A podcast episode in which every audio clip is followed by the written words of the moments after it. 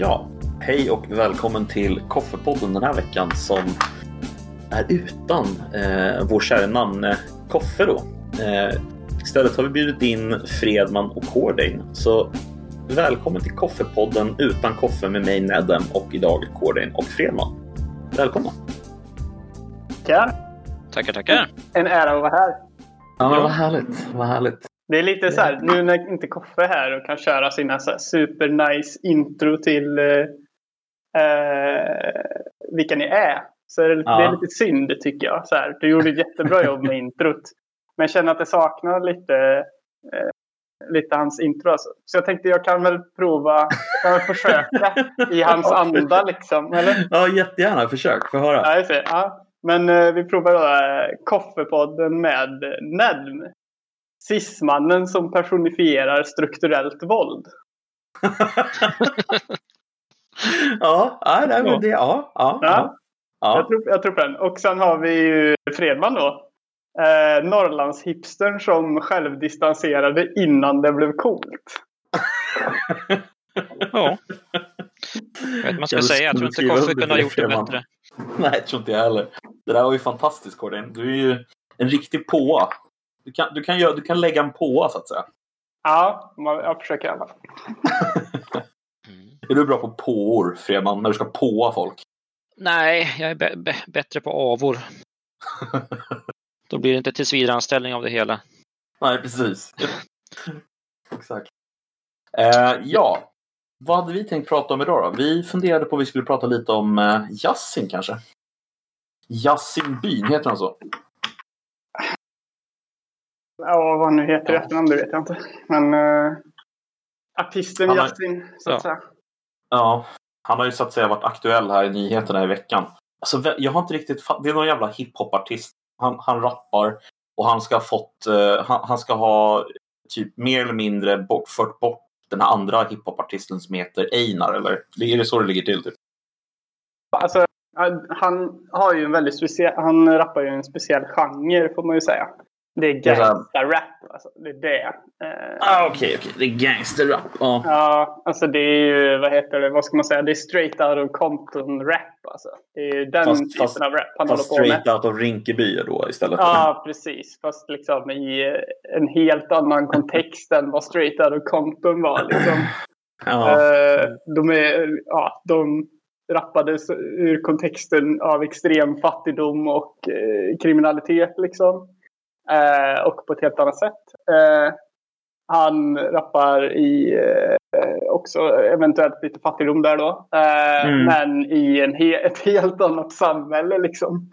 Eh, fast han gör det ändå då.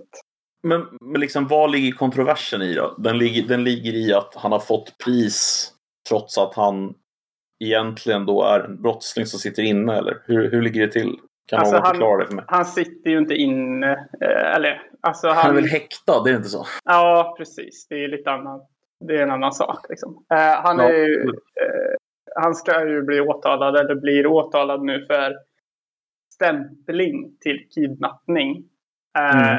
Och det följer ju den här, eh, eh, den här chattknäckningen. Liksom. De knäckte ju något sånt här chatt. Encrochat det. var det va? Encrochat, just det, så heter den. Precis. Just det.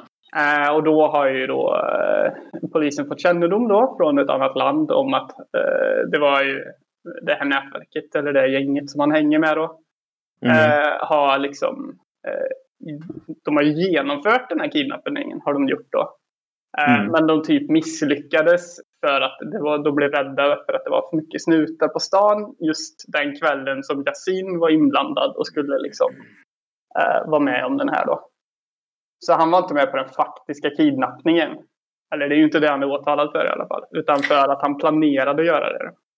Okej, så att det är själva planeringen som han var med på, även om han är... Men, och det var helt enkelt inte för att han inte ville, utan för att han inte lyckades. Liksom. Ja, Ja. precis. De vågade inte just den dagen. För han skulle vara med och göra det liksom. För att det var för mycket Mm. Okej. Sen, han är ju en del av det här Vårby-nätverket. Som, Precis. Är, Eh, är, det, är det Shottaz eller Dödspatrullen vi pratar om? eh, bra fråga.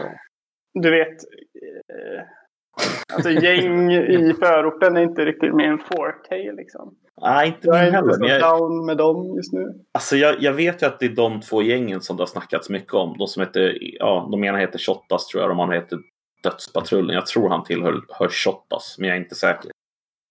Det kan mycket väl vara så. Eh, men i Mm. alla fall, alltså det är ju... Ja. Ja, han, är alltså, han är alltså kriminell då. mm, Helt enkelt. I en kontext som är... Du är i Sverige i en förort. Eh, och eh, om man jämför liksom. Alltså nu, jag drar den här liknelsen tillbaka till Compton. Liksom, för att det är, jag tycker att det är en rimlig, liksom, han, det är samma genre. Det är också kriminellt liksom. Eh, mm, men alltså kontexten kring det här är ju totalt annorlunda liksom. Eh, det är ju i Sverige, alltså vi pratar ju inte om ett liksom så här många hundra år av strukturellt förtryck liksom som man har liksom levt in i och i en extremt kriminell omgivning. Eh, som det Nej. var där liksom, om man säger, i USA. Eh, utan vi pratar ju liksom andra generationens invandrare som mm, utför brott här. Eller kanske första generationen då i vissa fall. Ehm, I förorter i ett samhälle där man Alltså ja, det finns de som hävdar att det finns eh, liksom strukturellt för, förtryck här och så. Absolut. Men eh, jag, ja, det är svårt för mig att Alltså, se det. om- Alltså. Ja, men alltså om de nu menar att det strukturella förtrycket är av den nivån att det skulle kunna skapa den här typen av brottslighet, bara det förtrycket i sig. Mm. Alltså, då, då tycker jag att då får de ju problem att förklara eh, liksom, varför vi har fler sprängningar här än vad de har i andra delar av världen där det förtrycket rimligen är större än vad det är. Ja, jo, det är, Alltså jag menar, det, det är klart att det inte... Ja. Mm. Men den här, genren, de klagar ju väldigt mycket på eh, snuten och ska hävda sig och liksom det är mycket vapen och ska bli coola och har en så här konstig sned eh, kvinnosyn. Det är lite så här, det är ju genren liksom. Är. Ehm, Du beskrev precis, precis Jägarna. ja, jo. Den här klassiska filmen med roflaskor. Han har bara anammat svensk kultur extremt hårt. Precis, nu, nu, nu kör vi. Vi vänder in det här på det, på det spåret nu. Att Ja. det här, det här, så här var det ju förut också. Det var ju Ja, likadant då. Det är bara att kolla på Jägarna. Kolla på Rolf Lassgård och, och Lennart Jäkel i den filmen. Så ser du ju hur det var förut i Sverige. Ja, men just det. Ja. Ja, men det är, ju, alltså det är ju inte det här som är kontroversen då. Utan kontroversen är ju eh, då att eh, Petri eh, med sin Petri Guldgala eh, har ju haft honom som nominerad till typ, eh, var det, årets, årets artist tror jag. Och Mm. årets R&B tror jag det var. Mm. Eh, och han fick ju priset då också. Mm. Mm. Och det är Men ju du- lite så här. Jaha, eh, här har vi liksom. Alltså P3 och SVT och så här. De, eh, alla de där statsfinansierade media liksom. Mm. De gör ju typ ingenting annat än att trycka på värdegrund och, eh, och så vidare. Liksom. Eh, och att då ge pris till en person som aktivt utför brott och eh, sjunger om det eh, som om att det är det coolaste i världen eh, och så vidare. Och har den kvinnosynen uppenbarligen då eftersom man sjunger så. Mm. Det är ju det är en dissonans där, en extrem dissonans måste jag säga. Ja, men hade inte gett priset till Martin Timell direkt. men men för, för frågan så, alltså, ni, alltså är ni båda två med på att liksom enligt den här liksom inneboende logiken i, i det här tänket som finns, eh, det som man brukar kalla för woke-tänk eller man brukar kalla det för kritisk teori eller wha- wha- whatever. Liksom. Alltså, inneboende i den logiken så är ju han förtryckt och slår ju uppåt. Alltså, i det slåendet uppåt så att säga, man ska slagandet uppåt, Mm. så är han ju på något sätt ehm, Alltså det funkar inom ramen för den här teorin som många av de här människorna som jag förutsätter då jobbar på P3 eh, ja, bekänner sig till utan att göra det medvetet kanske. Men de köper väl de grundläggande argumenten i den tror jag. Ja, alltså om man väljer att se på honom som ett offer liksom, och allt han gör som ett eh, resultat av det faktum att han är ett offer. Mm. Eh, så går det ju att förklara det liksom. Eh, men samtidigt så här, mycket av det man klagar på eller slåss mot eller vad man nu ska säga då i den typen av rap som man gör. Det är ju polisen och deras förtryck. Plus att man då pratar ju om hur jävla kriminell man är liksom. Så ska det. man, ska man liksom ja, ska man säga allt det på grund av en viss grej så här, då måste man ju nästan börja prata om att ja, men då ska de, ska de frå, fråntas och behöva följa lagen då? Eller vad, vad är liksom, hur ska man Det hantera det liksom? Förstår jag rätt i att du tycker att det finns någon slags eh, låga förväntningar eh, inbyggt i det här? Man brukar säga låga förväntningarnas rasism, men jag tänker ta bort ordet rasism där. Bara låga förväntningar i allmänhet som är orimliga. Ja, precis. Alltså, det rimliga är väl att förvänta att folk följer lagen liksom, i stort. Eh, Ja, absolut. och, eh, alltså jag, den musiken som han har, liksom, så här, jag kan också lyssna på lite gangsterrap ibland. Liksom, så här, det är nice. Även om det inte är min så här, superfavoritgenre. Liksom. Mm. Eh, och det är ju en sak att lyssna på hans musik och han är ju väldigt populär och så. Eh, men det är en annan sak att gå ut och ge honom pris. Liksom. Eh, när man vet att han är kriminell. Är ju- Fast man måste Nej, ju vänta, skilja på verk och person. Ja, ja, det är precis. Få höra, för det, det, det är hit jag vill komma, liksom, den Ja, här ja. diskussionen. Står ni på olika sidor i den diskussionen i det här fallet? Alltså egentligen inte i slutändan eftersom det inte är ett konsekvent handlande från, från statsmedia här. Men eh, jag är ju fortfarande för att antingen bedö- liksom bedömer man någons person eller någons verk. Det är ju väldigt viktigt att göra för annars är vi ute på en väldigt slippery slope. För det, det här slår ju åt båda hållen. Jag menar, jag menar, det är inte så att Paolo Robertos pasta blir sämre för att jag menar, han är ett jävla släbbo liksom. Nej. Eh, och sen kan man välja att inte köpa hans pasta, vilket många det gör. kanske blir bättre. Med all rätt. Vem vet? Ja.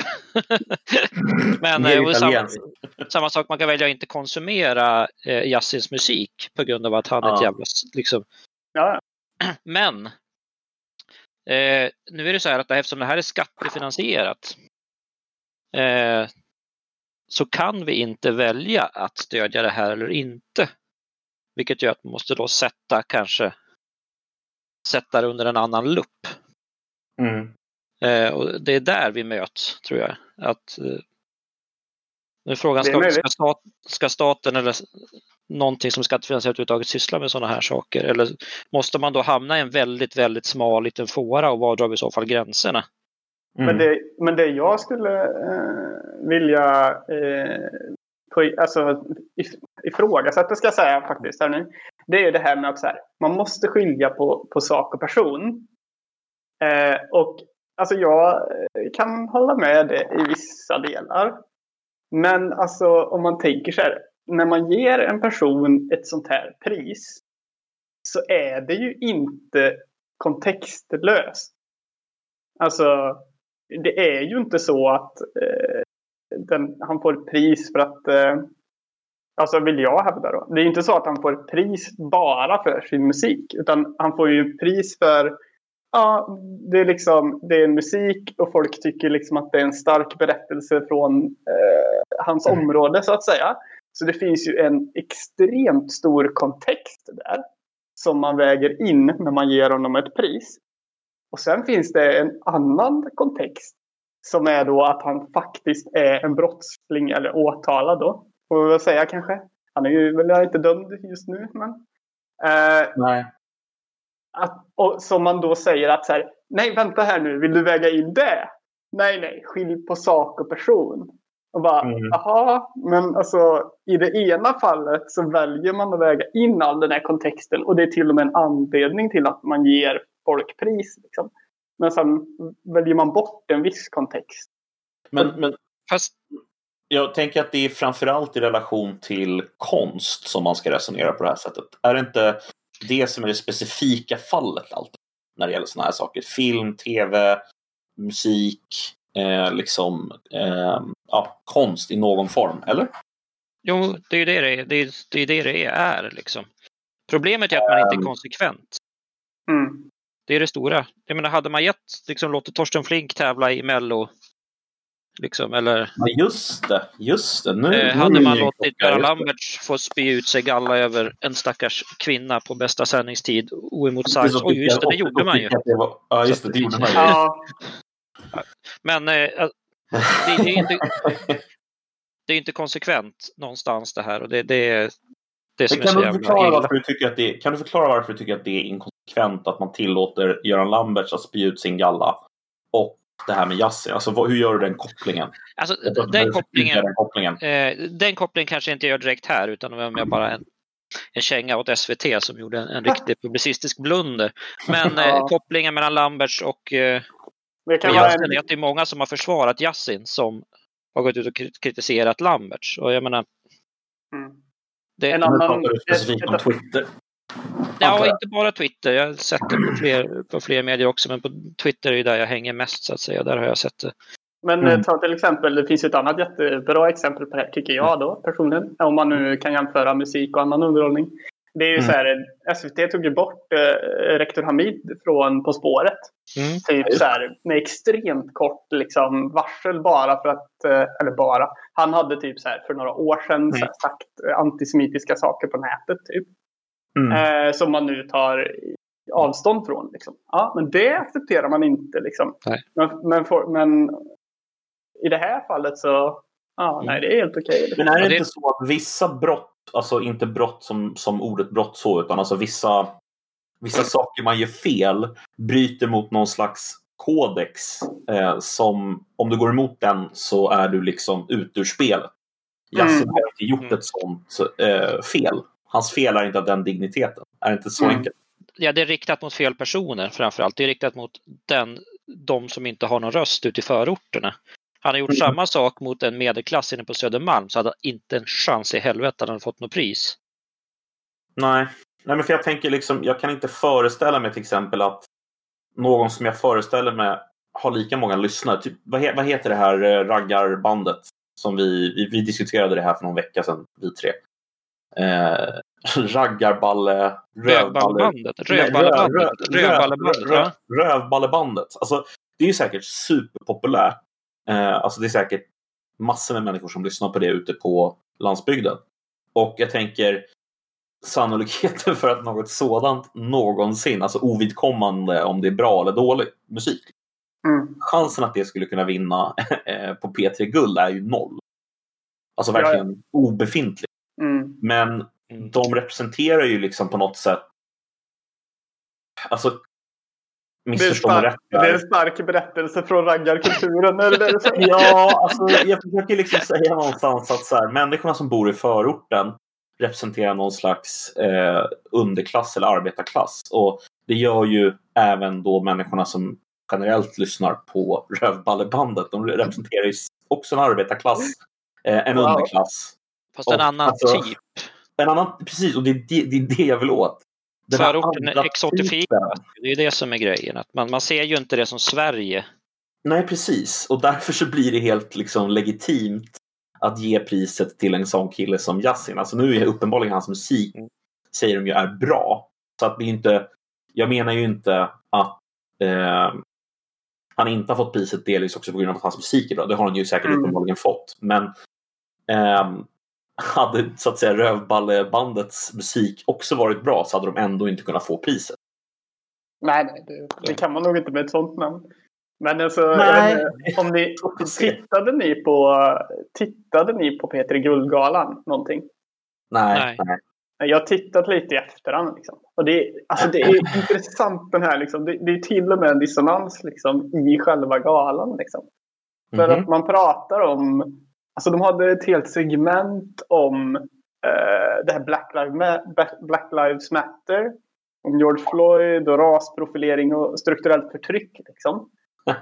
Eh, de hade ett helt segment om det liksom, och hur, hur jobbigt det här var. Liksom, så. Ja, ja. Eh, och sen i samma mening, liksom, eller inte i samma mening, men i, samma liksom, gala där man pratar om så här, vad hemskt det är med rasprofilering. Så ger man pris till de som är, inte anledningen men alltså som representerar typ det sämsta av det här som gör att det blir, vad ska man säga, lättare att motivera rasprofilering, får man väl säga då kanske. ja, kanske man kan säga. Ja, det är ju tragiskt. Inte för att jag för rasprofilering på något sätt. Absolut inte. Men alltså, du, alltså, det, alltså man ger pris till de, de sämsta liksom, som sprider en skugga på de andra. Mm. Eh, och, och det har, får ju en påverkan på eh, sån här rasprofilering. Och, och, jag tycker det är, liksom, det är absurt. Liksom. Men, men, men för, sorry Fredman, kör du. En intressant effekt av det här blir också lite grann på samma grej. Att, vet ni vilket band som trendade på Twitter igår kväll? Mm, nej. Ultima Thule. Ja, just det. Precis. Eh, och då, för då sätter Sverige sina igång sin jävla... Ja, varför får man spela honom om vi inte får spela Ultima Thule? Det spelas varken Ultima Thule eller Johnny Bode på eh, ja, Sveriges Radio under hela förra året. Liksom. Ja, för det första är det skitband och för det andra liksom, ja, det, det skapar ju all den här identitetspolitiska mm, liksom, slushyn skapar ju en motreaktion som är minst lika stark. Och jag tror inte man ska underskatta de krafterna. Jag tror inte vi har sett ens början på motreaktionen i Sverige. Och jag, jag menar, i, i, i, USA så har vi magafolket. Mm. Eh, Men får vi vikingarockers här då? Eller jag, tror att vi, jag tror att det kommer bli den ganska välmående arbetarklassen i Sverige idag. Som är alltså, där vi snackar traditionella arbetaryrken som idag är, är medelklass men utan mm. liksom, högskoleutbildning. Jag tror att i, i där kommer vi ha en, en extrem backlash. Och vi kommer även se det hos många akademiker också. Men får jag, får jag fråga en sak? Ni, ni, måste ju ha noterat att den här så att säga eh, det som du nyss kallade för identitetspolitik, det som också går att kalla för lite som kritisk rasteori eller alltså whatever, vad, vad vi än kallar det för någonting. Eh, det här har ju liksom alltid funnits i bakgrunden i diskursen i Sverige på något sätt. Men, och det är det här som är intressant, att det är först nu senaste sen Black Lives Matter som det verkar bli någon slags företagsgrej av det här i Sverige. Jag vet inte om ni såg att eh, Klarna eh, nu hade infört samma sak som Google har med så Black Owned och, och så vidare. Liksom. Eh, men alltså det här kommer ju som en löpeld nu genom Sverige tror jag. Alltså att man ska liksom, inte bara att man är medveten om de här teorierna då och att man liksom förstår dem i en amerikansk kontext utan att de ska då implementeras i en, i en svensk kontext. Och jag menar, alltså, det finns ju redan myndigheter för allt det här. Alltså, allting finns ju på plats för att bara implementera någon slags gender slash liksom kritisk ras, teoretisk identitetspolitisk bara, agenda. Det, alltså, det kommer ju. Alltså det här har funnits eh, längre än man tror. Alltså just med Klarna så var det ju flera år sedan de slutade ta, be, ta betalning för, eh, för vapenbutiker till exempel. Så väldigt många jaktbutiker är svårt att sköta sina onlinebetalningar som har kört Klarna. De bara just det, för det, det var, deras, det var ja. emot deras liksom, eh, ja, eti, ja. etiska ställningstaganden. Liksom. Samma sak, kolla jakt och fiske på Blocket på en iPhone. Går inte längre. Va? Därför att de, eh, Blocket-appen på iPhone och iPad visar inte vapenannonser. Inte ens kikarsikten eller någonting sånt. Vänta, vänta, vänta, vänta, vänta, vänta, vänta. Hur funkar det här? Går det, är det bara själva Blocket-appen i sig på iPhone eller är det iPhone som gör någonting? Alltså det är ju det är någonting med Apples användare för det funkar utmärkt på, eh, på Android, samma, samma app. Okay. Så att det är någonting i Apples ja, Jag bara känner inte till det här. Fan vad sjukt. Det blir helt vansinnigt. Ja, så att jag menar, det är skitsaker egentligen. Det är väl bara att man inte köper en iPhone om man är intresserad av jakt och fiske. Liksom. Men... Fast, fast, fast det där så funkar, alltså jag vet vad du säger. Du säger ju sådär just för att jag ska säga det jag säger nu. Och det är, fast så går det ju faktiskt inte att resonera kring, kring de här frågorna. Det är ju små, små nålstick. Det blir ju till slut liksom en det blir en miljö där man inte vågar säga emot på grund av att man har gått med på liksom den här lilla saken och den här lilla saken och den här lilla saken. Varför inte bara gå med på en till liten sak? Alltså det blir så här. Alltså någonstans måste man ju för fan sätta ner foten och bara, men hallå, vad håller ni på med? Alltså det är helt alltså, vansinnigt. Ja, det, det, är ju ganska absurt om man liksom så här, tänk på hur svårt det är nu eh, att välja ett parti eh, mm. och, eller eh, politiker eller representanter liksom, i, i politiken som man tycker liksom um, står för det man själv gillar liksom, eller som har bra förslag. Så. Alltså det är svårt alltså. Att stå mm. för samma värden och så vidare. Alltså när företag också går ut och börjar liksom säga nej men vi står för det här och det ena och det andra och det tredje liksom. Alltså ska man behöva hitta så här ett, ett pryl som vars företag står för vissa saker också nu för att inte bli stämplad som en motvallsmänniska liksom. Alltså, ja, det, är bara, det, är dags för oss tre att skapa en app nu som heter liksom eh, alltså politiska, politiskt korrekta företagsappen. Ja, men Där har vi liksom här, alla deras ställningstaganden så kan man så välja så att man ser. Man, väl, man ställer in sina egna ställningstaganden så kan man se vilka som håller med om ställningstagandena. ja, det. När man ska handla så läggs det som ett filter liksom.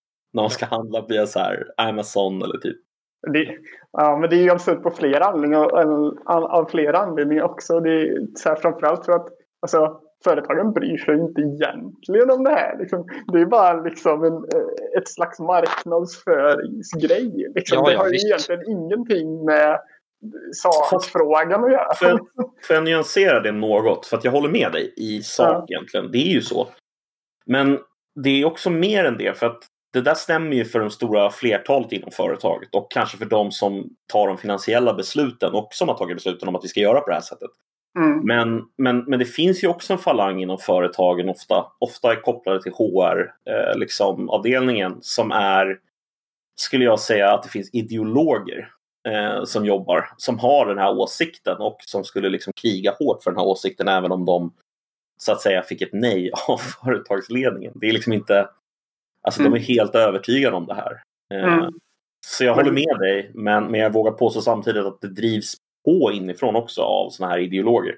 Absolut, um, det tror jag säkert. Och marknadsförare också. Mm. Uh, jag tror säkert att vi sett många som liksom, så här, det är viktigt för mig att mitt företag står för mina värderingar och så. Exakt. Jag att man känner uh, det. Men samtidigt blir det ju liksom, alltså företagen går ju extremt in i politik. Mm. Och är det där vi vill ha våra företag? Jag vet inte om... Alltså, jag, eh, jag gillar fria marknaden alltså. Absolut. Eh, men det blir inte riktigt eh, den fria marknaden och den här separationen mellan politik och, och marknaden liksom. Som jag tycker det bör vara. Om alla företag ska hela tiden hålla på med politik. Eh, mm. och marknadsföra politik. Eh, för det är ju i princip det de gör. Ja, alltså jag tänker att alltså den, det kanske är mindre problematiskt inom, inom så att säga privata företag, även om jag tycker att det, det liksom, kan bli jävligt illa även där. Det kanske är värre när det liksom sker inom ramen för eh, offentligheten. Eh, alltså jag tänker till exempel på sådana arbetsgivare som public service. Alltså de är ju så mm. uppenbart så att säga dränkta i sin egen ideologi. Att de är ju knappt medvetna om att de har en, en, en syn på de här sakerna som är så att säga, det, det, det är en åsikt, inte fakta. Liksom. Eh, jag tror att de har nästintill svårt att se det själva. Mm. Eh, jag vet inte om ni upplever det så också, att de, att de liksom inte ser sin egen sitt eget ställningstagande? Alltså, ja och nej, men å andra sidan så är det en liten fis i rymden. Liksom. Alltså, säg vad man vill om public service, det, visst det är mycket identitet för lite snömos runt den sfären, men samtidigt de gör bra nyheter. De har för mycket pengar, det är för stort. Ja, jag skulle gärna lägga ner skiten personligen, men liksom, det är inte det stora problemet. Det stora problemet är när det här hittar ut till, liksom, till varenda liten kommun i Sverige. Där har vi ju liksom extremt många anställda runt mm. om i landet. Eh, jag menar, och stängs du ute från den typen av arbetsmarknad på grund av vissa åsikter, då är det, då är det illa. Då kan typ, som att, ja, typ som att facket utesluter folk som eh, röstar på SD typ, eller är represent, mm. Eh, representanter för SD. Liksom. Det är ju också förkastligt. Mm. Alltså, folk ja, ja. får ju ha politiska åsikter. Liksom. Det måste de ju få ha. Eh, men man kan inte utesluta dem från liksom... Men, men du, är med på att det, det, du är med på att det du uttrycker nu det är ju någon slags grundligt en liberal syn på liksom vad som ska vara eh, inom ramen för ett liberalt samhälle så ska alla ha rätten att ha sina politiska åsikter. Men alltså de här människorna de är ju inte riktigt liberaler på det sättet. De ser ju inte. Liksom. Absolut inte. Men sen är det här med facket. Jag tycker självklart facken ska få kicka ut vilka de vill eftersom det är privata organisationer. Men man kan samtidigt inte låta dem ha den särställning de har i svensk arbetsrätt. Det är ju där problemet mm. ligger. Ja, fast facket har ju liksom en funktion som är... Eh, alltså, man kan inte kicka ut folk från a-kassan. Liksom. Uh, Nej, fast det är ingen som har gjort. Nej, eller liksom alltså, motsvarande. Det var Transport som... Eh... ja, men alltså, ja, men för det här, det här är en viktig distinktion man måste göra. Antingen så, så, så skiter man i, då är det bättre att förstatliga fackförbunden. Liksom. Eh, om, man nu, om man nu ska ha facken. Mm. Eh, och låta dem liksom ligga under rådande regler. Eller har man kvar dem som egna ideella organisationer, då måste de få ha sina egna regler. Det, men, det som avgjordes i tingsrätten nu, det hade ju ingenting att göra med hans åsikter eller inte. Det hade att göra om det fanns stöd i fackets stadgar att utesluta någon för de åsikterna. Det var bara det som avgjordes. Mm. Kommer ni ihåg vad hette den här killen som blev utesluten? Har ni, någon, har ni minne av det eller? Nej. Nej, tyvärr. Det är intressant att söka på. Det är någonting med, med SD-människor, namnet fastnar inte riktigt. de, de brukar komma och gå så jävla fort. Det enda som fastnar är deras chipsskålar. Liksom. ja, den där. Eh, men, men alltså, det, apropå den här, alltså, apropå det här med om, om vi ser den här biasen som du pratade om Ned. Mm. Eh, I stadsminne. Alltså jag tycker att här kommer vi in på eh, Lambert väldigt bra. Eh, för att där blev det ju väldigt tydligt. Liksom. För alltså den här Petri Guld Yassin, liksom, det finns inte, tydligen inte någon anledning till självkritik för det. Eh, av, av SR liksom. Men när det gäller den här presskonferensen eh, som de direktsände i SVT Nyheter. Eh, då eh, ger de såklart sig själva kritik för att de gjorde det. Eh, och det är ju liksom, jaha, nu, nu är det liksom dubbla... Jag vet att jag tycker inte det kan jämställas riktigt om jag ska vara riktigt ärlig. Jag, om man tänker efter, det, det, är två helt olika, olika publicistiska beslut. Faktiskt. Få höra. Nej, men alltså, det med Lambers, det, var, det är ju rent, det är rent publicistiskt. Man ska ju inte låta en sån person få i direktsändning uttala sig oemotsagd så. Det, det måste jag ha tänkt till innan. Det hade ju vem som helst fattat, liksom, att han skulle ge sin version av det hela. Han är ju en mm. duktig slipad jurist.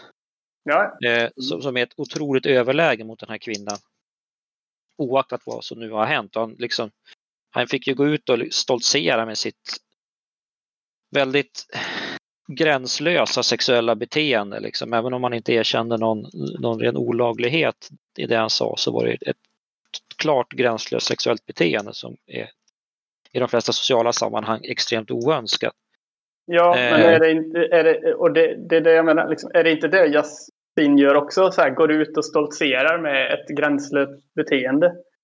Alltså, för, jo, jo, jo, men alltså, fast han har inte fått, fått det utrymmet där. Och det, jag, tycker också, jag tycker också det var fel att ge priset till Yasin, det, det säger jag ingenting om. Men jag, jag tycker ändå inte man kan jämställa de två situationerna. Nej, alltså det är två väldigt olika situationer på så sätt. Men, men det, som, det finns ju ändå en likhet i att alltså Yasin stoltserar ju med alltså sina bedrifter så att säga eh, i, i sin musik. Det, alltså, det är ju så att säga han sjunger ju om saker som han faktiskt gör också. Det är ju inte fiktivt endast det han sjunger om. Mm. Um, så det blir ju någon slags berättelse om vad han pysslar med.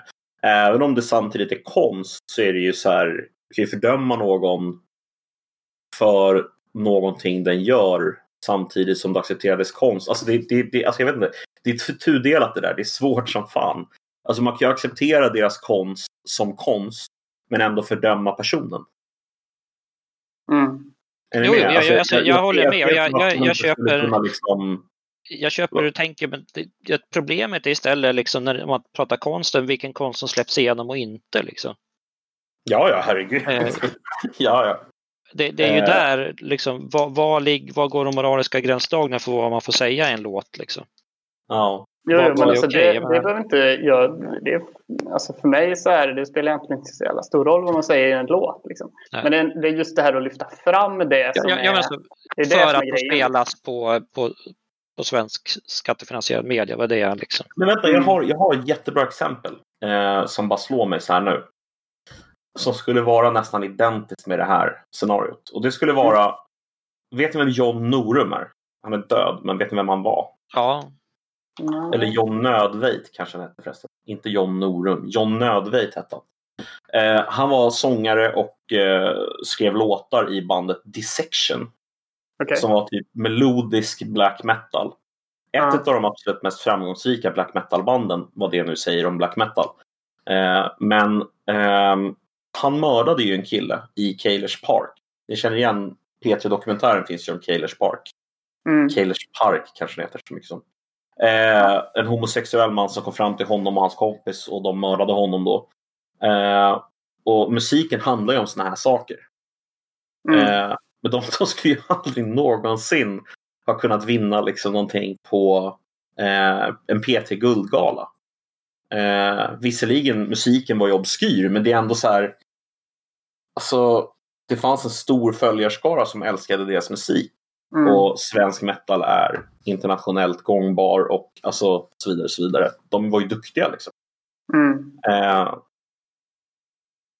ja, jag vet inte, jag pekar bara på någon slags eh, slagsida åt att vissa typer av eh, liksom eh, kulturella eh, problem är okej att prata om men inte andra. Liksom.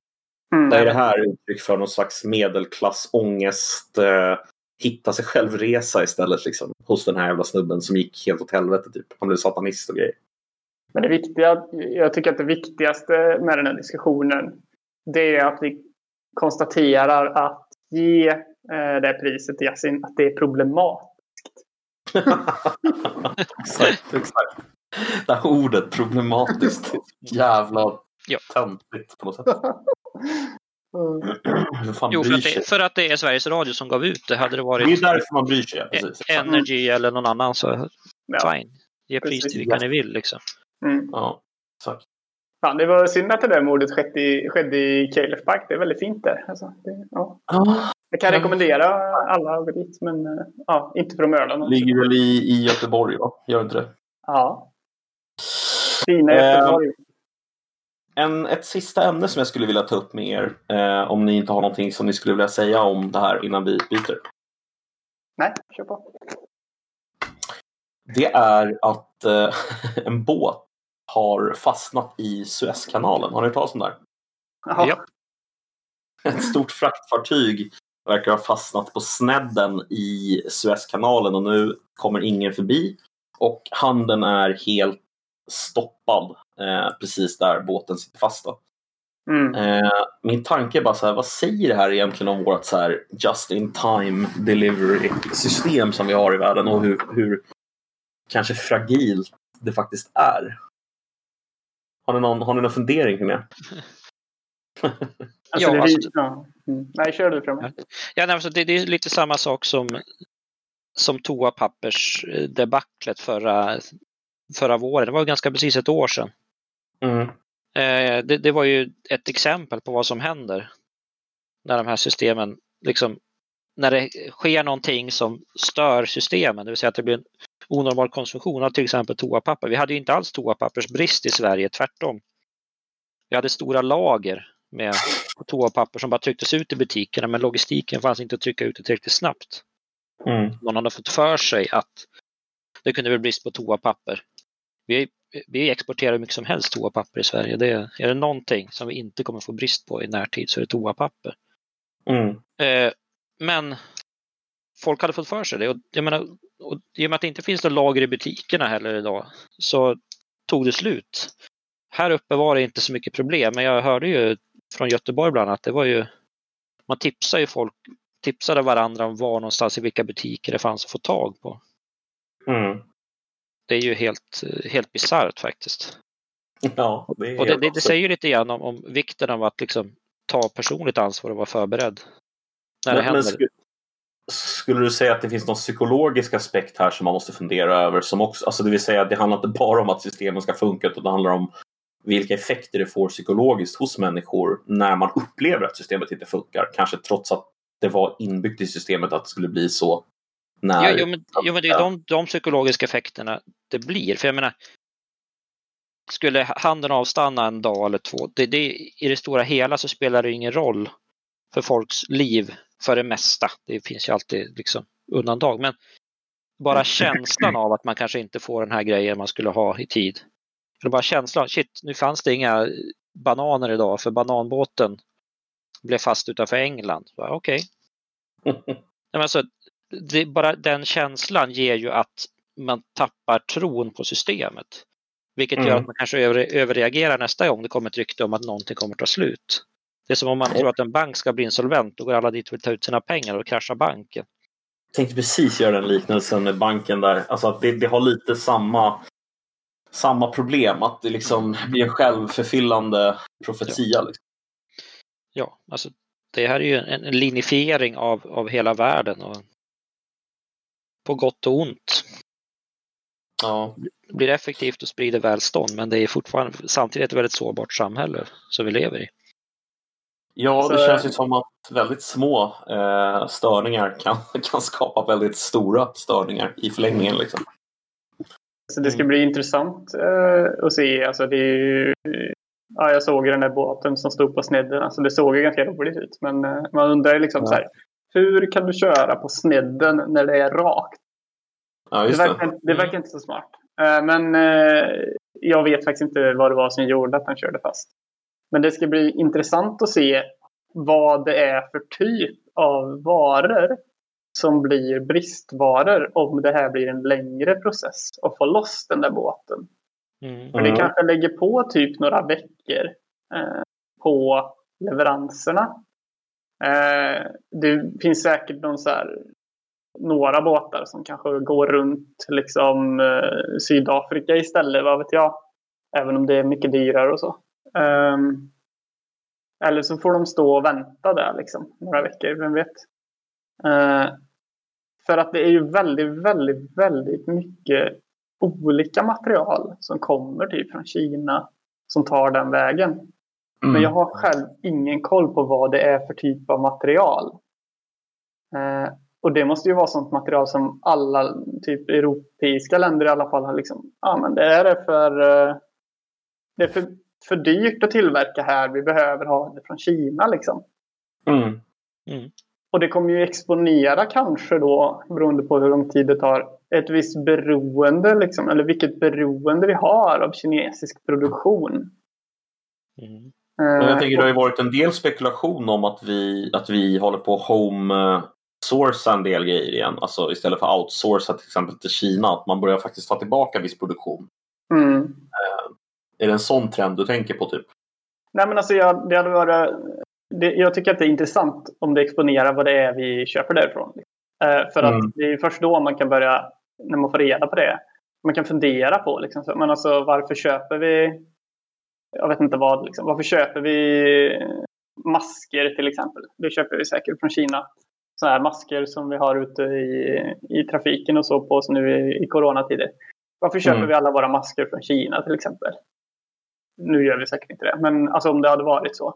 Mm. Eh, alltså det är ju någonting som liksom, ja, alltså händer det någonting, någon större grej, då kanske vi behöver liksom kunna tillverka det här. ja, alltså, men, ja, men det är samma sak som vaccinen. Eh, till exempel. Där det har blivit tal om att återuppta nationell vaccinproduktion. Sen är frågan om det är rätt väg att gå eller inte. Eller om vi får liksom ett total merkantilistiskt liksom, syn på vissa delar. Eh, och ett sådant mm. agerande är liksom i politiken vilket skulle ju få stora konsekvenser framförallt för EU. Men jag har ju bilden ja. av att här, Sverige förr hade som en del av eh, försvaret att vi ska kunna producera vissa viktiga varor mm. lokalt. Liksom.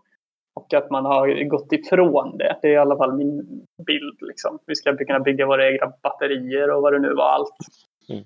Eh, och eh, det gör ju att det blir väldigt känsligt liksom. För sådana här saker. Mm. Mm. Tänk, alltså, ponera nu att, att det blir ett krig någonstans. Liksom. Ja, då kanske det mest effektiva sättet typ att slå mot Sverige det är att stanna alla båtar typ någonstans runt Thailand liksom. Eh, som ska till Sverige. Och bara, vad, vad ska Sverige göra åt det liksom? Eller hur? Vi skickar våran eh, Blue Water Navy som går på kärnkraft hela, hela vägen ner dit. Ja, men precis. Liksom. Nej, inte riktigt va? Nej, alltså det, det, det skapar ju en sårbarhet liksom, i samhället. Den kanske... Du jag har ju en statsminister som är en väldigt duktig förhandlare va? och erfaren på det, sin Just tid i det, det facket. är sant. Just det, det är sant. Om man ska vara helt ärlig så är han faktiskt en vass förhandlare. Ja, Så ja. att vi kan skicka ner Nej, jag, honom. håller, jag håller med. Han löser det där. Men eh, vi sitter ju i skiten som ett litet land. Liksom. Vi måste Ja, ha det är klart. Det är klart. någon form Precis. av nationell eh, självförsörjning på bas. Livsmedel, drivmedel och lite annat. Och eller gå med i NATO. Det är de. ja, jag vet inte. Alltså det där, det där är så svårt för att alltså. Jag, jag, jag tycker ju det personligen, men det, det, det är svårt att försöka övertyga någon som inte tycker det. För att deras argument mot är så liksom självklart för dem åt andra hållet. Så här. Ja, men vadå, varför vill du vara med i NATO? Liksom? Varför vill du vara med i en försvarsorganisation? Tänk om det blir krig. Och det är så här, ja men det är precis det jag menar. Tänk om det blir krig och du inte är med i. Alltså, förstår du inte? Så, nej men, förstår du inte? Det är exakt samma åt båda håll. Alltså, Kommer det, aldrig ska, kunna- det, ska, det ska tre liberalt lutande cismen eh, och i en diskussion om typ eh, en båt som har stannat komma fram till att lösningen är att gå med i NATO. Det är fan rätt i det alltså. Jag vet inte om Fredman är, är inne på NATO-spåret faktiskt. Jag kan Alltså, jag, i, lite halv, eh, dagens geopolitiska läge så, så ser jag inte att det är en omöjlig tanke för mig. Eh, Nej. faktiskt. Sen är frågan om kärnvapen har varit ett bättre alternativ. Vi har ju haft en ganska Mm. långtgående kärnvapenprogram i Sverige. Nej, jag är inte för kärnvapen. Jag tror inte vi behöver fler. Hade vi, hade vi skaffat dem då så hade det kanske, hade det Ja. kanske varit en sak. Men att skaffa dem idag är ju Nej. omöjligt. Nu är det ju bättre med kemiska stridsmedel, det vet ju alla. Ja, men precis. Eller biologiska. Jag menar, kolla, kolla covid. Ja. Kina liksom. Nej, vänta, Ja, nej, va? men alltså, jag- jag tror att, eh. NATO-medlemskapet bör ju övervägas seriöst. Alltså det, att hävda någon form av neutralitet, det, det stämmer ju inte. Sen är det alliansfrihet det vi har. Sen är det ju problematiskt bland annat med Turkiet till exempel. Eh, Ja, ja. Det är klart att det är det. så att eh, Det finns inga perfekta sakerna, lösningar. nej, det gör ju inte det. Det, är- så Om är vi skulle ha en, en nordisk försvarsunion som kanske vore... Ja, det hade, det hade varit bättre. Definitivt. Vad tror, Eh. ni att, eh, vad tror ni att det är för konspirationer som kommer komma från att den här båten har stannat? Vem är det som eh, i hemlighet Jo, ligger bakom det finns ju det? redan. Qanon har ju gått ut med att det var en massa... Jo, Du skojar. nej, jag läste någonstans, någon flashade förbi någonstans att det var några nå pedofilgrejer. Det var massa barn på båten. Så. Wow. Det är Trump som, som, som stoppar båten för att frige alla pedofiloffer. Och, ja. Pizza, pizza Boatgate. Qanon claims stuck Suez cannon ship used by Hillary Clinton to traffic Ja, children. men, ah, jag orkar inte. Alltså. Det är Alltså. Frågan är vad som är dummast. Är det det där eller är det liksom all woke-galenskap? Eller är det lika galet? Det, det, ibland Alltså- kanske som att det är bara olika sidor av samma mynt. Nej, alltså Qanon är ju fan... Alltså hur illa jag än tycker om woke-rörelsen så är Qanon fan värre alltså. Alltså de är sjukare. Men är de värre? alltså De är, de är lättare Alltså- att skratta åt i alla fall. De ja, är lättare att skratta åt, men alltså gör det dem värre? Alltså jag vet inte. nej, Jag så, tycker nästan att woke-rörelsen är ju destruktiv på riktigt. Men och det är ju de här också. Men de här är ju så dumma i huvudet så man jo, men det är, väl, det är väl lite det jag menar. Liksom. Ja. Det är väl Mm. precis det jag menar. Men det, är så, upp, det är så uppenbart galet liksom. Ja. Här, Ja. Medan woke-rörelsen kan på vid första eh, anblick kan passera som rimligt om vi säger så. Mm. Ja men precis. Sen Ja. vad som är värst, det vet jag inte. Det... Ja, ni vet ju att ni som vita eh, heterosexuella eh, cis-män, ni, ni är ju så att säga den stora förtryckaren. Så att eh, ni får be om ursäkt för er själva faktiskt. Det, det är viktigt. Ehm, om inte ni Kul. har någonting mer ni skulle vilja Jag ta har upp en sak till faktiskt. Yes, Det var ju faktiskt att Q nämnde Evergreen som är bolaget som har den här båten. Och orden When do you need a plumber? i april 2018 redan. Så Q har verkligen liksom förutspått det här. Så jag, jag, jag känner att, ja. Det är vår tids Nostradamus. ja. Ja, det är så, ja, det är så dumt. Alltså, jag kan inte ens liksom... kan inte förstå. Nej. Okej, men... Eh, Kordin, ingenting du skulle vilja säga innan vi avslutar för eh, dagens poddavsnitt? Tack för ett trevligt samtal. Tack själv och välkommen tillbaks till Koffe när han kommer. En koffepodd Ja. utan koffe är ju som kyssar utan snus. Exakt, det är som, eh, som kyssar utan snus eller cigaretter utan tobak. eh, tack för att ni har varit med och eh, tack för att ni har lyssnat på Koffepodden. Eh, tack och hej! Grädde utan grädde är som kärlek utan kyssar. Och kärlek utan kyssar är väl ingen kärlek sig